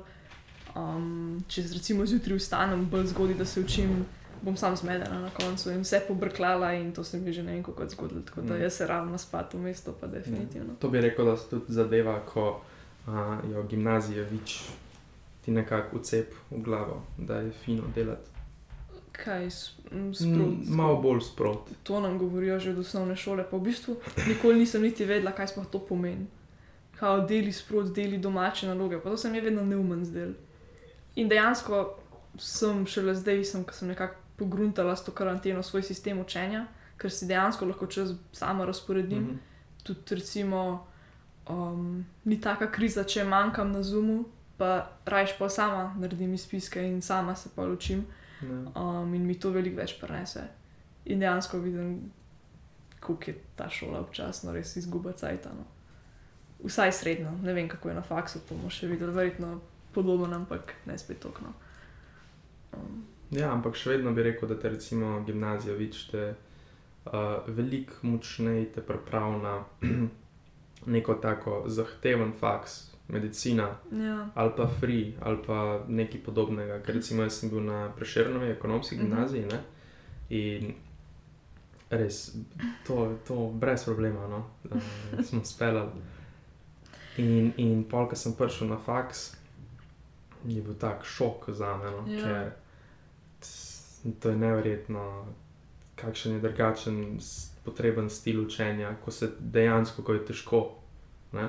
Mi je več definitivno težji ne, od Mislim, Prešerno. tako, kot si ti pred, nekako predstavljaš, Ja. tako si ga, po mojem, vsaka. Ne? Vsaj tudi tako se na viču vsi hvalijo. In tudi jaz, ki sem se pisala na vič, je bilo vedno tako. Ja, um, tukaj te pa res dobro pripravimo, ki so res dobri učitelji. Ampak na koncu zdaj, ko kar opažam, sam v takem okolju med ljudmi, ki so vsi tako, um, dobro, kakšni so dejansko pametni, ampak predvsem pridni, um, da si v bistvu nekako prisiljen, ni to, ki strani učiteljev, Mhm. pač definitivno ne, ker sem prepričana, da sem se večino snovi v vseh štirih letih sama naučila, Mhm. mm -hmm. da od ure res nisem nekaj veliko odnesla. Um, ampak že sam ta okolica, te Ja, ljudje, to to. te prisilite, da se sam začneš brigati, da se sam učiš. Um, Pa nasploh pač te tvoji sošolci, pa to ne. Ja, ker, Se mi je večinoma so tako malo bolj pridni. Ne? ja, definitivno. In na Prešernovi recimo je bilo toliko obratno. Ne? Ja, ja. Um, in ja, Ne, družba Ja. te zihar, okolica te izoblikuje. Se Ja. ja. tudi, tudi tako pomemben, s kakšnimi ljudmi se družiš. ne. Jaz sem recimo obdobju life. ful srečo, uh, ker brez večjega problema sem bil tako recimo na vrhu um, celotne paralelke. Uh -huh. Kar se tiče ocen. Ne? Imel sem pa enega sošolca, en samo, s katerim sva pri večini predmetov tekmovala, kdo ima boljše ocene. Ne? In to je bil potem še razlog, da sem šel ker na preširnovi si že tako s trojkami, pa štirkami si bil ja. na vrhu. Aha, ok. In um, pa so pa samo tam za štirke pa petke tekmovala. Ne? In to je bil dejansko pol razlog, zakaj sem jaz lahko prišel na free. Ne? Ker sem pač tekmoval za ocene. Ja, le mora biti neka lucky. motivacija. Ja, ja. Mm. Hm. Ja, ne, jaz ne morem delati, če nimam motivacije sploh. Um, na splošno, tako prvi, drugi letnik, sploh, zakaj bi se trudila, res nisem, um, niti da bi se prsila delati, ne mogoče. Pol, če imam pa neko motivacijo, neki, da um, neko še zmer nagrado na koncu, ali kako koli, pa vidim, da je veliko lažje, čeprav zdaj glih med karanteno je spet. Mhm. Um, vidim, kako je pomemben, da tudi takrat, ko ne vidiš glih neke nagrade na koncu ali karkoli nekega. Um, uh, nekega tega cilja, mm. -hmm. pač da skušaš motivacijo najti. Vsaj, ne vem, da si jo nekako isto s temi miksi, kot sem prej razlagala, se mi zdi, nekako moram imeti neko vero v to, Mm. pri, prepričanje, da pač bo, bo nekaj iz tega na koncu, da se mi bo nekje to poplačalo enkrat. Ja, in to potem, kot si rekla, najverjetneje v veliki meri pride od staršev. Ne? Ja. Kako so ti pač nekako uh, govorili, ko si bila še čist majhna. pa. Ja, zihar. Mm. Mm. Ne, definitivno. Ja. Hm. In kaj pa recimo hokej? Kaj ti je pri hokeju zanimivo? Um, pa v bistvu, a veš, to so take stvari, ki sploh ne morem reči, da je, da je ena stvar. Okay. Pač sam čutiš to, ne vem, počutiš se, da je to to. Um, nekaj, nekaj tazga, ki te. Ne že od nekdaj imam rada šport, recimo princip fitnesa sploh ne razumem. Um, pač ja, razumem, da telovadiš za to, da ne vem, ali da si lep, ali da si fit, mm -hmm. kakorkoli. Ampak ne vem, to, da je nek. Da, da je v bistvu neka zabava, hkrati um, fizična aktivnost, zaradi katere si pač skrbiš za svoje zdravje in to, ne vem, to mi je nasplošno ful všeč pri športu. Pri hokeju pa sploh ta ekipn, ekipno delo, um, ekipni duh. Ja, Se mi to zdi, da je tako, ne vem, dobiš neke vrste energijo, ki drugje, vsaj jaz no, v svojem življenju ne dobim. Hm. Um, že to, ko prideš v garderobo, pa se ne vem, zabavaš, pa ne vem. V bistvu od vseh situacij, situacij tudi od tega, se smeješ v garderobi, do tega, se na te derajo na tekmi, kaj narobe narediš. Ne vem, to ima vse skupaj nek tak Hm. čar za me. ja, se nekako razumem. Ja. Pa tudi igra na splošno mi je super zabavna in to. A je kaj agresije pri ženskem hokeju? Um, ja, včasno se zgodi, no, da Ja. kakšni poč film, ampak um, ni pa že v osnovi ni tako telesne igre, no, kot pri moških. Tako da tudi če je kakšna punca, ki bi rada začela trenirati, pa se jo skrbi, da ne vem, se pa preveč, da je preveč grobo. Um, pri ženskem, ženskem hokeju res ni tako. No. Um, ampak se pa zgodi, no, da se kdaj tudi kakšne stepejo. Ne, se to še ni zgodilo, ampak Na- ja, ja, na igrišču se razume. Ja. Ne, kar je na igrišču, ostane na igrišču, nismo pa Ja. ponavadi ne, ne kuhamo glih za mere, še ne vem koliko časa. Hm. V garderobi pa tako. Zanimivo. Ja, ker se spomnim, vsako tekmo, ki sem šel zgledati, se sem še ene tri ali pa štiri, mm. Mm. sem šel začel gledati, ker sem umehen. Vsakič se stepel, Ja, okay, to, so, Vsakič. to so moški. Ja. Vem. kratko začnejo pa metati dol čelade, ja, ščitnike. ja, ja. To je prav tako del. To, to je kot kar nek šov, ne? Na, tisti točki. Ja. Ne vem, ne razumem iskreno. Okay, mogoče tipe še, še krno, ampak vsaj na spunc. Jaz ne vidim razloga, da bi se eno tam začela zjedati, pa po možnosti tepst. Čeprav me je oče, vsi v moji familiji so ful za borilne veščine, že ne vem, koliko let trenirajo. Me je že parkrat vprašal, če me kaj nauči, da bom bila pripravljena na take situacije. Sem rekla, ne, lej. Jaz bom raje kar oddrsala stran od tega. To je koliko lahko drsaš stran. Ja. Ja, Mm. pa si razmišljala, da bi trenirala kakšno borilno veščino. Um, sem trenirala judo, ko sem bila mehna, po mojem, spet iz tega razloga, ne vem, ker sta bila starša v tem. Mhm. Um, mislim, ne v judu, v drugih borilnih veščinah, ampak zdaj razlog, ki sem rekla, ki sem ga povedala, da sem nehala, je bil ta, da se mi je vrtel, ker smo prevale delali, kar okay. po mojem je tak res velik razlog. No. Um, ampak ne, ni me pretegla sploh. Hm. Tako da sem se našla v čist drugih hobijih. Mm, ja, se dejansko si se. Ja. Jaz sem razmišljal, da bi mi ful pasal imeti nek tak uh, konstanten šport, katerega bi lahko izvajal trikrat na teden, recimo, da bi ne bilo treba hoditi.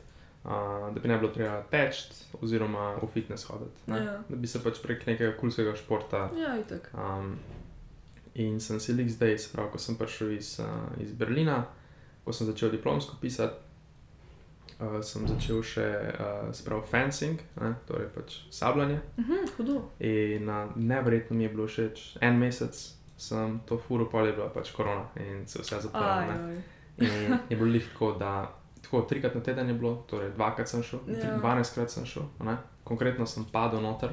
Um, na srečo je bil tudi prvi mesec za stonno, tako da sem cel mesec izrabil za nič keša. Ampak ful, ful, ful škoda, no, da, Kaj pa nameravaš nadaljevati? da takoj, takoj, ko lahko bom šel. Res. Um, to me je pritegnilo, ker je tak specifičen šport. No. Ja, ja, ja. Um, Benem je tako res uno taktičen, Mhm. ker vse leži samo v tem, da ti narediš kontrol nasprotnikov, ne? oziroma čakaš, Ja, ja, da bo ja. nasprotnik nekaj naredil in boš ti reagiral. Um, ob enem je pa tudi ful tako neverjetno hitro zašvicaš, ne? pa se zmatraš. Ja, sploh mislim, da razmišljaš o tem, da bi, ne vem, probo kaj fizično biti. Um, mislim, ne gledaš na to, kot na nek trening, da boš pa zdaj, kaj, ne vem, Sploh ne, hujšu ali. sploh ne. Ampak realno pa ja, ne? Ja. Uh, to čisto po nesreči počneš. Pač to pride zraven in to Ja. je najbolj, mislim. In ko ti nikoli ne boš imel občutka, uh, zdaj mi je pa že težko skakati okoli. Ja, Ker skozi imaš občutek, da si v neki igri. ja se to, In to, to je tako magičen, magična zadeva. No? ko se fokusiraš na čist nekaj drugega. Ja, ja, ja. To je Ful, ful, ful, hodo. Mm. Ja. Kaj pa knjige? Uh, ja, v bistvu Ja. ja. ful berem. Mm, Ok, v nadaljujem. bistvu, to že celo življenje berem, no ne tako intenzivno, kot zdaj le mogoče zadnji let ali pa dve. Um, ker sem dejansko opazila, koliko je, koliko je na internetu cel kup enega sranja in v bistvu fake newsa. Um, da so knjige res tisti edini vir, nisem najbolj relevanten, um, reliable Mhm. uh, vir informacij. Um, tako da sem začela dost uh, ne le poslovja brati, ampak uh, tako ne vem, knjige. V bistvu začela se je s tem, ker sem rekla, da bi se mal rada tudi naučila o samo promociji in teh zadevah, in pa sem fulej nekih knjig na to temo naročila. In um, ne vem, sem pa ful začela to brati, predvsem v Lahko ne dropaš angleščini. kaj. Oh, čakaj, ena je um, Believe Me, I'm Lying, Mhm. v glavnem od enega, ne vem kaj sploh, v bistvu kar nek social media ali pa sam media manipulator, Mhm. uh, nek manipulator, ki je v bistvu delal za firme, zato da je na internetu širil neke fake zgodbe Okay. zato da je s tem promoviral v bistvu, vem, biznis od svojega prijatelja, um, tudi pol za denar in tako. Mhm. In v bistvu sam najprej dobiš v pogled v to, koliko je enih stvari na internetu fake. Um, in to, kako v bistvu lahko na izi neko svojo temo ali novico ali nek svoj biznis spraviš v medije, že zato, ker je pač to tako. Um, ne vem, kako bi temu rekla. Ja, clickbait je v bistvu. Ja, no, v bistvu, ne trg je tako potreben nekih Mm. novih informacij, da zafila pač tisto um, nor, dnevno normo mm. nekih um, novic, prispevkov, česar koli, da v bistvu je full easy. Nisem Mhm. še probala, no. Bomo videli. Ampak to, drugače pa ne vem, ogromno berem v španščini zadnje čase, zato ker se mi zdi, da je to full dober način, da se neki jezik naučiš. Um, prebrala sem ene dve knjigi, ne znam sploh obnoviti, zakaj se gre, mm. Mhm. ampak upam, da bom tretjo lahko že. No. Tako da. Hm. Španske knjige, kaj je fikcija, oziroma Ne. postoje ali isto non-fiction. Ja, v bistvu naročila sem to, kar sem našla, nič ki tako s posebnim namenom. Uh, sicer sem prebrala biografijo tega le, uh, ustanovitelja Nike Mm, v španščini. Šudok v angleščini. Pač. Ja. ja, ja. Uh, tako No, da to dobra knjiga. verjamem, ne vem sicer, ker ja, nisem ja, razumela. ja, Ja, v španščini več pojma nimam, kaj sem sploh prebrala. Ampak, ampak si spravila čez celo knjigo. ja, Da. to je bilo kar dolgo branje. Ja. Ampak ne veš, o čem se je šlo. Ne, moram prebrati v slovenščini ali pa v angleščini Ja. ja. obvezno, ker se mi zdi fuz zanimiva, ampak le, Mm. hm. Mogoče malo prezgodaj še. Prezgodaj zakaj? Uh, da bi s svojim znanjem španščine. A ja, ja. Razumela to. Hm. Ja. Kaj so ti biografije všeč? Ali... Odvisno od koga, ali Mm. mislim, šla bom brati biografijo od človeka, ki ne vem, je dosegel mogoče nekaj, kar bi si jaz želela doseči. Mhm. um, nekaj, kar je tako inspiring, pa ne vem, zdaj, če mi kdo predlaga, da je kaj posebej um, vreden branja. Hm. To, no. Ja, meni so, men so kulske autobiografije. Sprav, ko se oseba spravlja, pa sama o sebi napisala. Mm Mhm. -hmm. Recimo, lihta, pač šudok je to, Ja, ja, kar se spomnim, je autobiografija. to je dobro. Ja. Um, in nasploh, folk, kot recimo ta, kaj je film Knight ali karkoli, pač Ja, tak ja, je Phil founder. Knight. Um, tak, tak tip ljudi, no, uh, so mi nekako najbolj zanimivi, njihove biografije, brati. Jih kar imam tako ene, štiri, pet Mhm. v glavi, ki so res fulkulske. Uh, tako da, smo mi tak najbolj inspirational content. No, Ja, ne, vidiš, da je neka oseba res tako. eh, Nekako izgleda ne spet tako težko, no, recimo, da dosežeš te zadeve, kar so oni dosegali. Pač tako, par, recimo, da srečnih scenarijev se je skupaj zbral, Ja, ob enem je pa pač oseba sama dala nek effort. Ne? ja valjda. Pa je prišla do tega. Trud, delo, pa malo sreče se mi zdi. Čeprav vse zgodbe so pa na koncu pride do tega, ja, da če delaš to, kar imaš res rad. In če si konsistenten, da se bo kar čudežno vse zgodilo. Čeprav Ja, to, tok, to ve, vedno manj verjamem, ne vem, Mm. mm. nisem mi še, mislim, to tudi nekako probam. Vsaj to zgodbo sem od velikih uh, DJ-jev na raznih intervjujih, od teh svetovno znanih, tudi da Vičija, recimo, mm. -hmm. ki sicer je zdaj že mrtev, ampak mm. -hmm. Um, tudi da. Ja, če, če boš najdel svojo strast, v kateri boš res dober in boš to rad počel, in boš to počel s srcem, um, in da boš bil priden, in tako, da ni razloga, da se ti ne bi uresničil. Čeprav To je full tricky, ja. In tukaj, da je slepo verjeti temu, mm, se mi zdi malo naiv, naivno. ja. Samo je zanimivo, da recimo že tako razmišljaš pri uh, teh letih. Recimo. Sem jaz se spomnim, ko sem bil še sprav, prvi letnik Frija. Ja, Moja edina ambicija, zakaj sem prišel na Free, je, da se bom naučil programirati, da bom lahko ustvaril nek app za iPhone, ki bo šel viral. Ne? To je bilo to. a veš. Ej, Tok uh, slepa ambicija.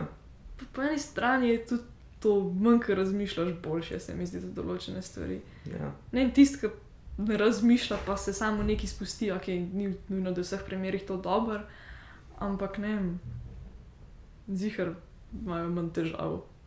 Sploh, Ja, true. zihar jim je lažje, bom temu Ja. rekla. Ampak ja, to, da slepo verjameš, da se ti bodo zadeve uresničile, Je zihar naivno. posebej te kao positive affirmations, veš, pa Ja, ja. a, manifestacija. To mi je full tricky. Um, še posebej, če se recimo pogovarjaš z osebami, recimo, da bi bila ti zdaj na podkastu, Mhm. uh, pa bi mi ti začela o tem govoriti, ne? koliko pač ti verjameš v manifestacijo in dejansko, Ja, da se itak. ti zadeve uresničujejo. Pač. Um, želela si si, ne vem, postati um, DJ in recimo zdaj si. Ne? Ja. Um, take zadeve. Pol je zelo težko tako kontrirati takim ljudem, ne? ker dejansko jim gre v redu. Ja, A veš? itak. A je ful narobe, da oni tako razmišljajo. Ne? Mislim, meni se zdi, da noben tega ni govoril v procesu nas, s- mislim, procesu Uf, tega. to ne vem, če no. um, Mogoče mislim, je, a Meni se zdi, da vsi to govorijo, ko so to že dosegali, Mm, pa mogoče so se dost matrali v tem procesu, pa ni bilo tako, da so sam verjeli in se, ker um, so se opcije pojavile in opportunity. Um, Ne, dejansko bi rekel, da večina, mislim, kot iz mojih izkušenj, no, kar tudi med procesom verjamejo v to. No. a da. Ja. Ampak pol je pa spet tako, ne. Verjetno, ne vem, polovici rata, polovici pa ne. Ja, itak. In zdaj, če je nekdo že med procesom verjel v manifestacijo, Mhm. sklepam, da bo potem tudi, ne? ko bo Ja. dejansko to dosegel. Zakaj ne bi? Očitno deluje. Čeprav pa spet pride do tega, je to samo neka stvar, ki jo za medije govorijo. Ja, to je pa tudi pa druga zadeva. Ne? Ja. Ja. Čeprav Ampak- je ogromno nekih ljudi, ki sam govorijo, to pa v bistvu Ja, ja, to je fures. Ja. niso primer tega. Mm, ja, se pravi, ko nič ne počnejo, samo imajo nek, recimo, nek journal in pol poskušajo ja. s nekimi pozitiv informacijami v ta journal Bolj manifestirati sebe neko to lažejo, kaj kaj drugega. konkretno to. Ja. Ampak sem ja, če ti gre v redu v lifeu, pa da recimo najdeš ti drive v tem, Mhm. v, to, v tem, da verjameš v manifestacijo, čist kul. Cool. Tako, a jaz je to tvoj thing. Ne? Jaz vidim to, ena, enačim to s tem, da si recimo, da veruješ v Boga.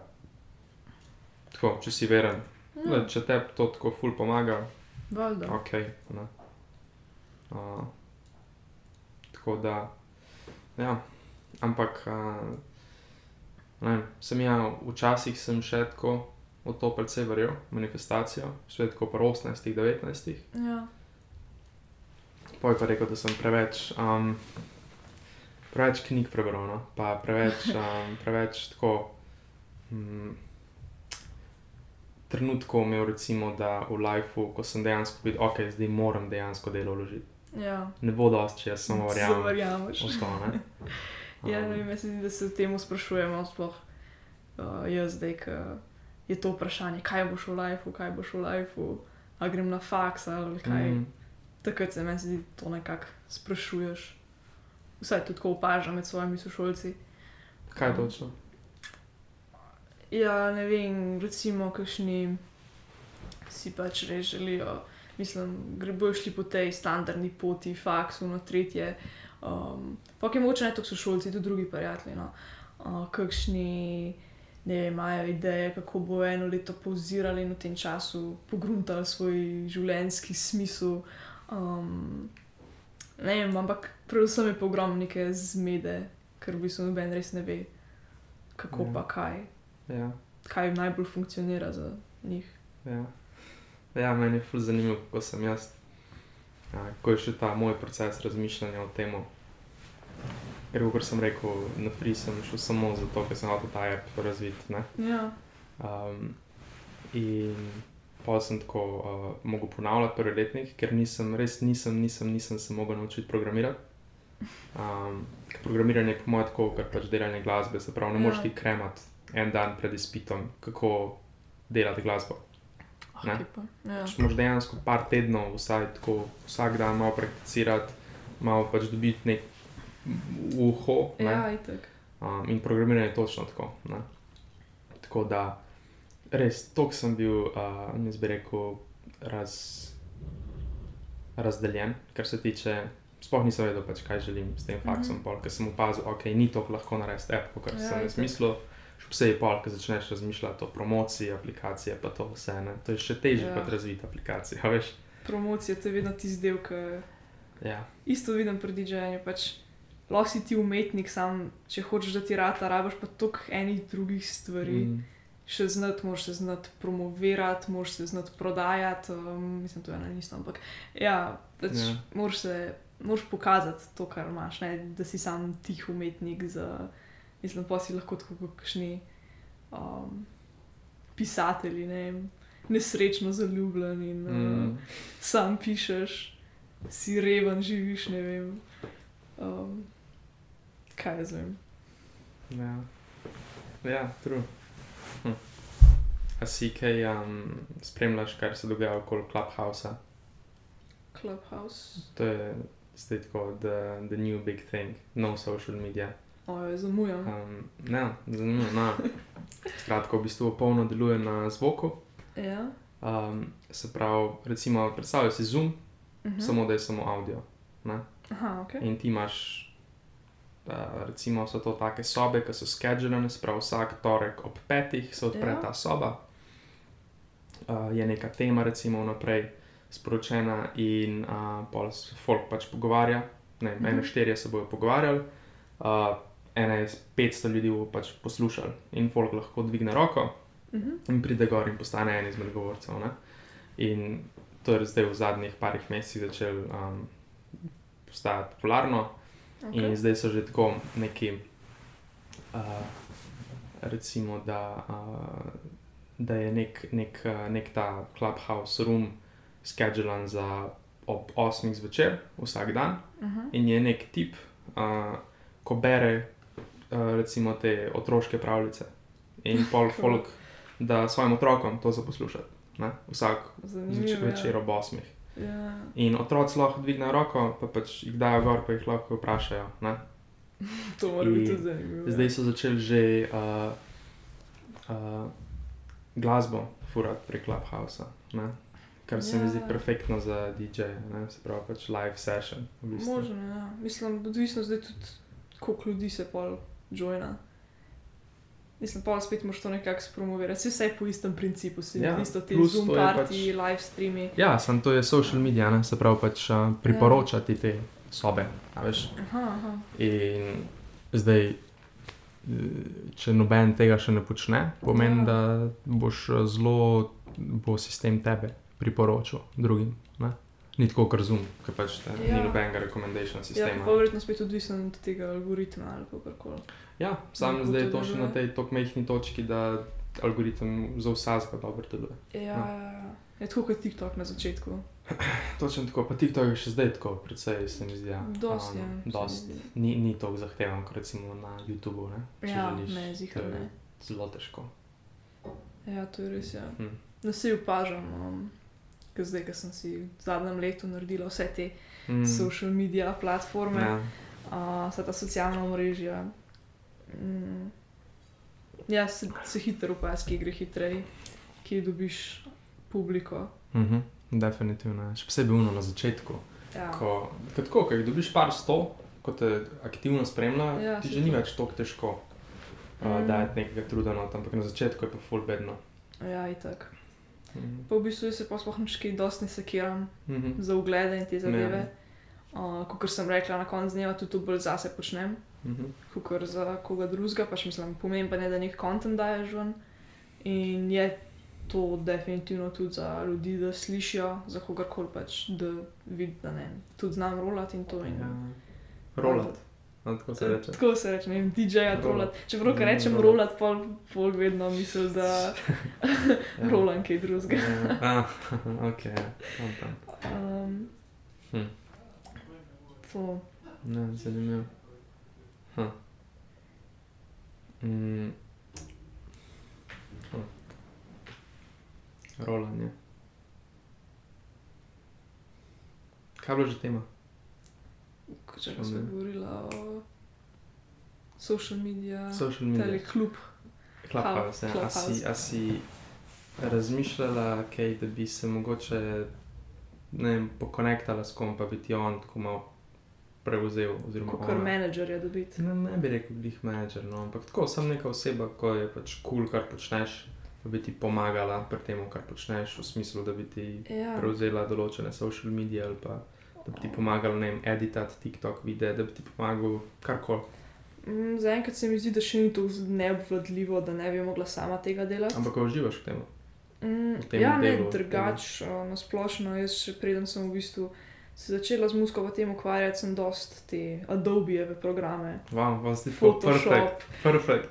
Ej, ne, ampak to pa po mojem ti okej. res pride, vsakmu bi to Ja, yeah. enkrat ja. prav prišlo v life, mm. da znaš, ne vem, vsaj te basic funkcije. Ne, Photoshopa, Illustrator, um, Mhm. zdaj sem začela tudi malo video obdelovati, ne. to mi je še najtežje od vsega, iskreno. To, temu se res ne vidim, tako da to je najraje dan komu drugemu, če se le da. ne. Um, tako da tukaj ja, imam razne kolege, no, ki Mhm. se s tem mogoče je večko bolj ukvarjajo kot jaz Mhm. in pa mi dosti pomagajo in pač imajo tudi oni kaj od tega, mislim, Dobar, Mm, na prvem imam jaz kaj tega, ampak itak, ja. če se nekdo s tem ukvarja, dlje cajt, jaz. Um, To je ful Valjda dobro. logično. To je ful dobro. Ja, ful se strinjam, da vsakmu bi tok prav pršel, če imaš te osnovne znanja. Ja, sploh zdaj, ne vem, se mi zdi, da se moraš skozi nekaj promovirati, če imaš nek biznis, Mm, neko firmo. Um, Ja. Ok, ne rečem, če delaš v neki državni službi, ampak kar vsaj jaz vidim, vsaj v tem krogu ljudi, s katerim sem v stiku, so vsi tako ambiciozni, vsi bi neke svoje scene furali, neke ne vem, kaj firme imeli. To mi je tudi ful zanimivo. ja. To je konkretno gre tako. Pa to je po mojem TikTok kriv, če Ja, vprašaš. še posebej, ja jaz, jaz nisem tok tega opažal Ja, v srednji, še posebej pa v osnovki. ne, se tu pažem, veliko bolje Um, zdaj to. Jaz bi rekel, da sem bil ena izmed teh izjem, ko so imeli tok, Mhm. uh, recimo, teh ambicij glede življenja izven 9 to 5. Ja. Ja, Takrat si bil še poseben, zdaj so ja zdaj pa tako, še posebej, ja, ko gledaš. Zdaj bi TikTok, vsi. YouTuberji, Točno to, influencerji. Ja. Um, prej si ne vem, prej, mislim, še jaz v osnovni šoli sem imela kar realne pričakovanja in realne želje. Ne vem, kaj sem, jaz ne vem res, kaj sem hotel v osnovni šoli. Ja, Ni, nisem imel nobenih. Um, astronaut, res ne vem. taka basic. Še posebej tako 8, 9 razred nisem imel čisto um, nobenih konkretnih želja. Pa Tako. se kdo pa pričakuje, mislim. Ja, pa ja se vem, sam zdaj pa je tako, pač želiš biti youtuber, ne, recimo, Ja, take tak. zadeve. Ja, zdaj že 13-letniki objavljajo na Mhm. TikTok, pa ne vem kaj. Ja. ja, to je ful zanimivo, ko zdaj tako logika pravi, da ne morejo vsi uspeti. Ne? Ja, Um, tako da definitivno bo del njih, tudi če bojo vložili ful velik um, energije pa časa v svoj TikTok um, zadevo, Ja. ja. kar bojo pol opazili, da ok, morajo iti normalen life furat. Ne? Pa v bistvu me prav zanima, kako bo to izgledalo, kako Ja. jih bodo leteli. Mm. Ker mislim, že zdaj je toliko enih teh um, nekih bleferjev, pa ne vem, zihar je vsak že dobil SMS, a mislim na Facebook sporočilo, ali si želiš dodaten zaslužek Type of- Neverjetno, v promociji in teh zadev. Noben ne dela nič več tako vrednega, nič več pomembnega, nič več neki, kar ničemur več ne dajo neke vrednosti. No, ne lih, noben. Mislim, ne noben, ampak tako vedno več je Ja. takih ljudi, ki tega, mislim, ki to prakticirajo, ki ne vem, promovirajo neke fitness programe, neke Ja. ne To je vem, konkretno ful povezan, bi rekel, Marketing. demografija. Se pravi, zadeve. te, ki so hoteli biti nek YouTuber ali pa TikToker Mm, in pol vidijo neko možnost po dodatnem zaslužku in bojo ja, ja, jumpali ja, na ja, to. Ne? Um, to je full, uh, full scary. Čeprav je to na koncu neko delo, ki jih sploh ne fulfila, kako bi čisto. rekel, ker ne vem, Ja. ti nič ne doprinaša. Ja. Kaj zdaj pač, uh, sprav te marketinški programi pa to? Ja, ne vem, se mislim, Te tega najbolj piramidne dobim. scheme pa to. Ne? Ja, ja to piramidne scheme, te zadeve. Jaz imam zdaj kar tako rutino, da če dobim nek tak message, Ja. Fora je najbolj bedno, ker uh, včasih je bil to še tak folk, ko nisem nobenih skupnih prijateljev na Facebooku in Mhm, Instagramu. Zdaj pa tako imam tri skupne prijatelje, bolj tako bom sprejel. Ne? Je, Pač ker vse tvoje mogoče- prijatelje dodaš ja. še zraven, pogled Mm, tebe. Ja. In uh, imam zdaj rutino, da jim odpiš sprav, oni rečejo, če imam željo po dodatnem zaslužku. ne. Uh, in polim jaz pičam, da imam jaz v bistvu neke projekte, kjer bi Ja. lahko oni dobili pač nek, nekaj iz tega, če želijo.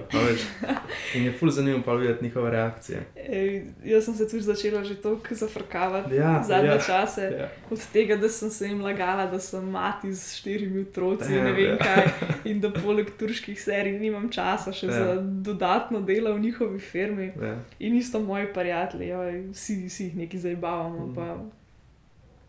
Ne prav smešno je videti to. Da, ja.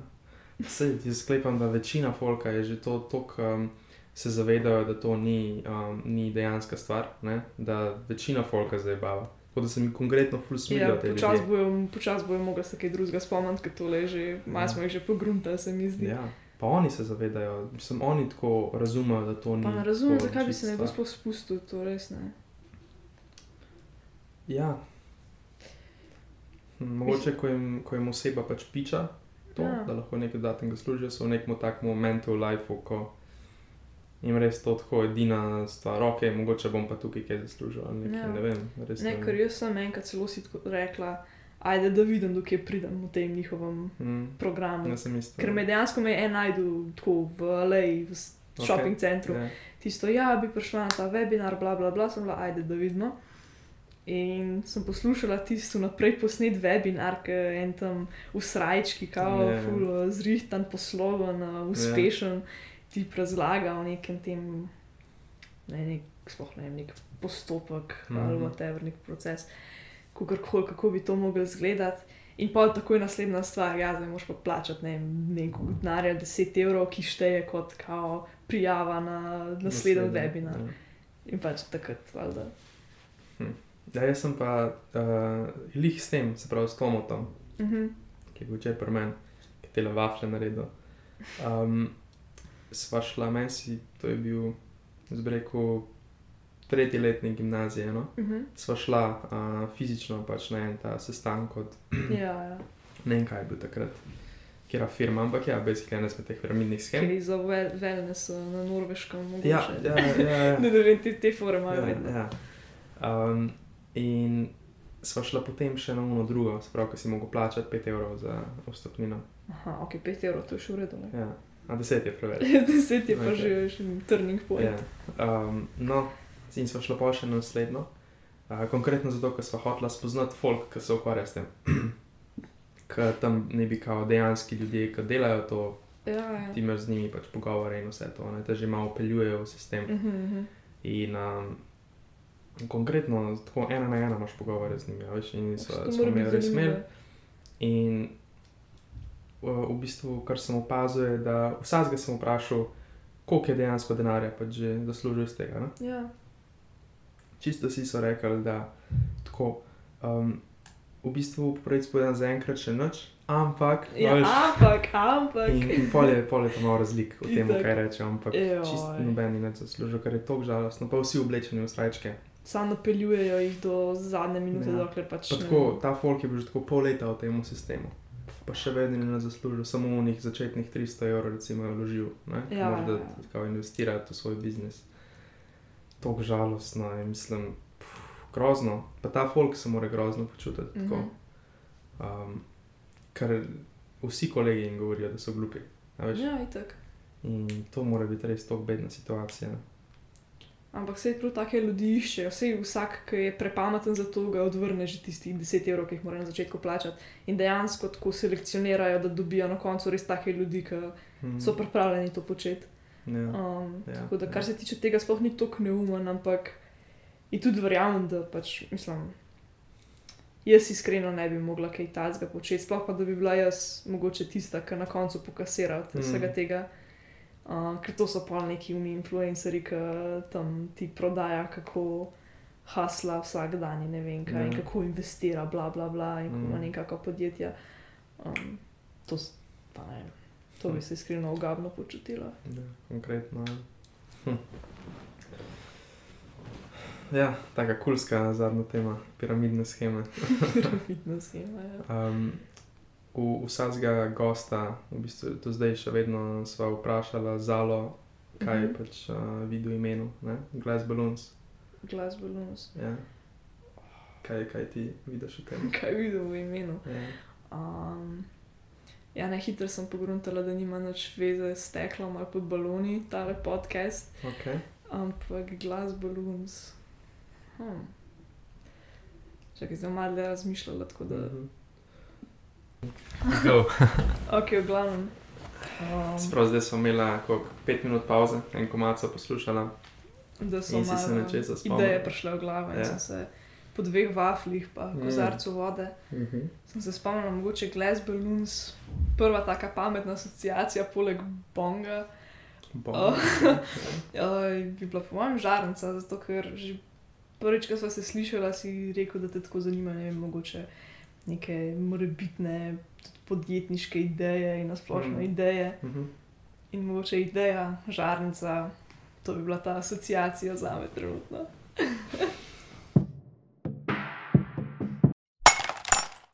Evo, to je to. Hvala, ker ste poslušali tokratno epizodo. Če poznate koga, ki bi ga podcast zanimal, dajte mu poslati link. Subskrbite se, če še niste, pa kliknite rate, tako prvi zveste za vsako novo epizodo. Stay glassy, čau, čau.